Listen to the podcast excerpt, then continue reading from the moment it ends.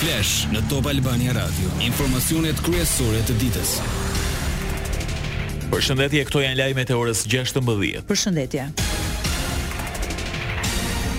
Avokatët e Sali Berishës i janë drejtuar me një kërkesë prokurorëve të Spakut për ta lejuar ish-kryeministrin të marrë pjesë në seancat plenare të Kuvendit. Ata argumentojnë se kjo është një e drejtë dhe detyrim kushtetues për të përmbushur detyrën si ligjvënës.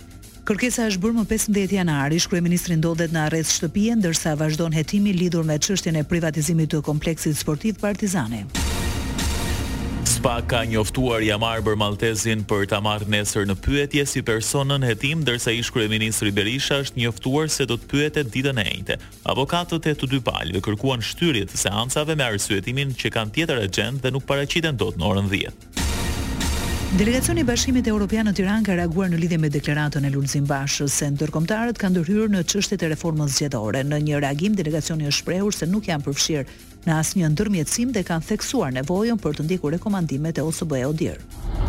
Edhe ambasada britanike nëpërmjet një njoftimi ka përgënjeshtruar lajmin. Në një deklaratë një ditë më parë, kryetari i Partisë Demokratike Zyrtare Lulzim Basha theksoi se kishte filluar puna për Komisionin e Reformës Zgjedhore falë ndihmës nga ndërkombëtarët. Partia Socialiste ka anuluar mbledhjet e komisioneve parlamentare duke i kaluar zyrtarisht online. Vendimi i maxhorancës vjen pas paralajmërimeve të opozitës se do të shkaktojë kaos në Kuvend. Në kalendarin e aktiviteteve janë caktuar oraret për Komisionin për Politikën e Jashtme, Komisioni për Çështjet Ligjore dhe Komisioni për Veprimtaritë Prodhuese, Tregtinë e Mjedisin. Grupi socialist në Parlament ka nisur hetimet për të gjetur se kush nga deputetët opozitarë ka futur në sallën e Kuvendit zhurmuesin me të cilin pengua normalitetin në seancën e djeshme të Kuvendit. Bazuar në pamjet filmike, do të vendoset për propozim ndëshkimi në Këshillin e Etikës e të Mandateve. Kujtojmë se Kuvendi ndryshoi rregulloren duke kërkuar deri në gjashtëdhjetë ditë përjashtim për deputetët që pengojnë seancën plenare.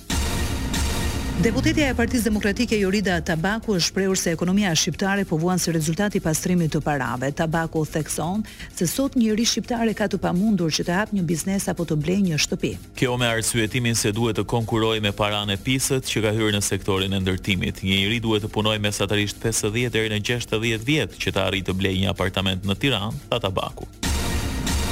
Drejtoresha e Instat, Elsa Dhuli ka dalë në një konferencë për mediat lidhur me procesin e censusit. Dhuli tha se të dhënat do të jenë gati për publikim në qershor, të cilat do të japin informacione lidhur me demografinë, ekonominë, arsimin dhe shëndetësinë. Dhuli tha se ka patur raste për qytetarët që kanë refuzuar të plotësojnë pyetësorin, por nuk konfirmoi për gjoba të vendosura.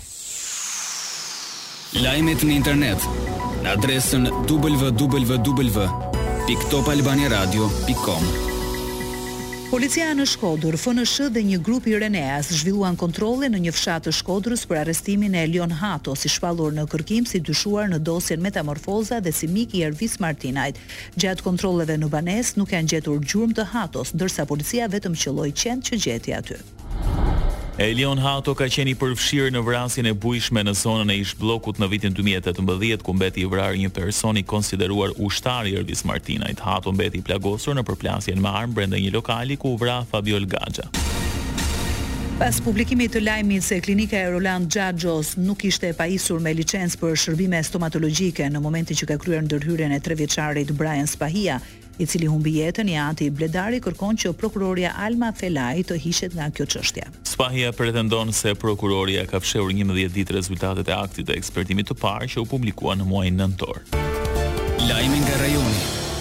Një shpërthim ka ndodhur në pjesën veriore të Mitrovicës pak para mesnatës. Kanë mbetur të plagosur dy persona, njëri me lëndime të rënda, por jashtë rrezikut për jetën. Lajmi është konfirmuar nga komandanti për rajonin e veriut, Veton Elshani, mësohet se në vendngjarje kanë dalë edhe ekipet e EULEX-it si dhe ato të KFOR-it.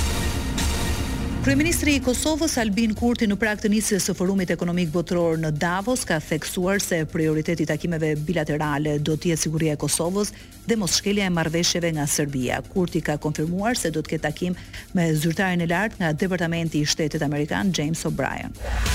Lajme nga bota. Ish-presidenti amerikan Donald Trump fitoi zgjedhjet brendapartiake në Iowa, Trump fitoi tridhjetë pikë duke thyer kështu rekordin e zgjedhjeve. Kjo është një fitore që e çon më afër nominimit për zgjedhjet presidenciale të këtij nëntori. Rezultati pasqyroi popullaritetin e tij edhe pas akuzave të përfshirjes së tij në sulmin në Kapitol në mbajtjen e dokumenteve të klasifikuara pas largimit nga Shtëpia e Bardhë. I ftohti mbërthen SHBA-në, temperaturat kanë arritur deri në minus tridhjetë gradë Celsius. Rreth njëqind e dhjetë mijë shtëpi dhe biznese mbetën pa energji elektrike, shkollat janë mbyllur dhe fluturimet janë anuluar. Zyrtarët e transportit u kanë bërë thirrje banorëve që të shmangin udhëtimet, pasi që rrugët pritet të bëhen të rrezikshme nga shtresat e akullit. Të gjithë punëtorët e huaj dhe azilantët në Gjermani do të përfitojnë nga ligji i ri që u mundëson atyre një sërë benefitesh për të qëndruar e punuar në këtë shtet. Tashmë kushdo që shkon në Gjermani si profesionist i kualifikuar nga çdo vend jashtë Bashkimit Europian mund të tërheqë dhe familjarët e tij, por kjo me sa, me disa kushte që duhen respektuar. Sport. Pas disfatës së fundit ndaj Milanit në kampionat, drejtuesit e Romës vendosin të shkarkojnë Jose Mourinho. Tekniku portugez që mori drejtimin e skuadrës në majin e vitit 2021 nuk do të jetë më në krye të verdhekuqve, teksa lë skuadrën me dy finale europiane, një në Europa League, një në Conference League. Ky sezon nisi keq për Mourinhon me skuadrën që humbi shumë terren me vendin e katërt në kampionat dhe u eliminua në Kupën e Italisë ndaj Lacios. Daniele De Rossi konfirmohet zyrtarisht trajneri i ri i Romës. Parashikimi i motit. Në orët në vijim priten reshje mesatare shoqëruar me vranësira në pjesën më të madhe të territorit. Temperaturat luhaten nga tre deri në pesëmbëdhjetë gradë Celsius.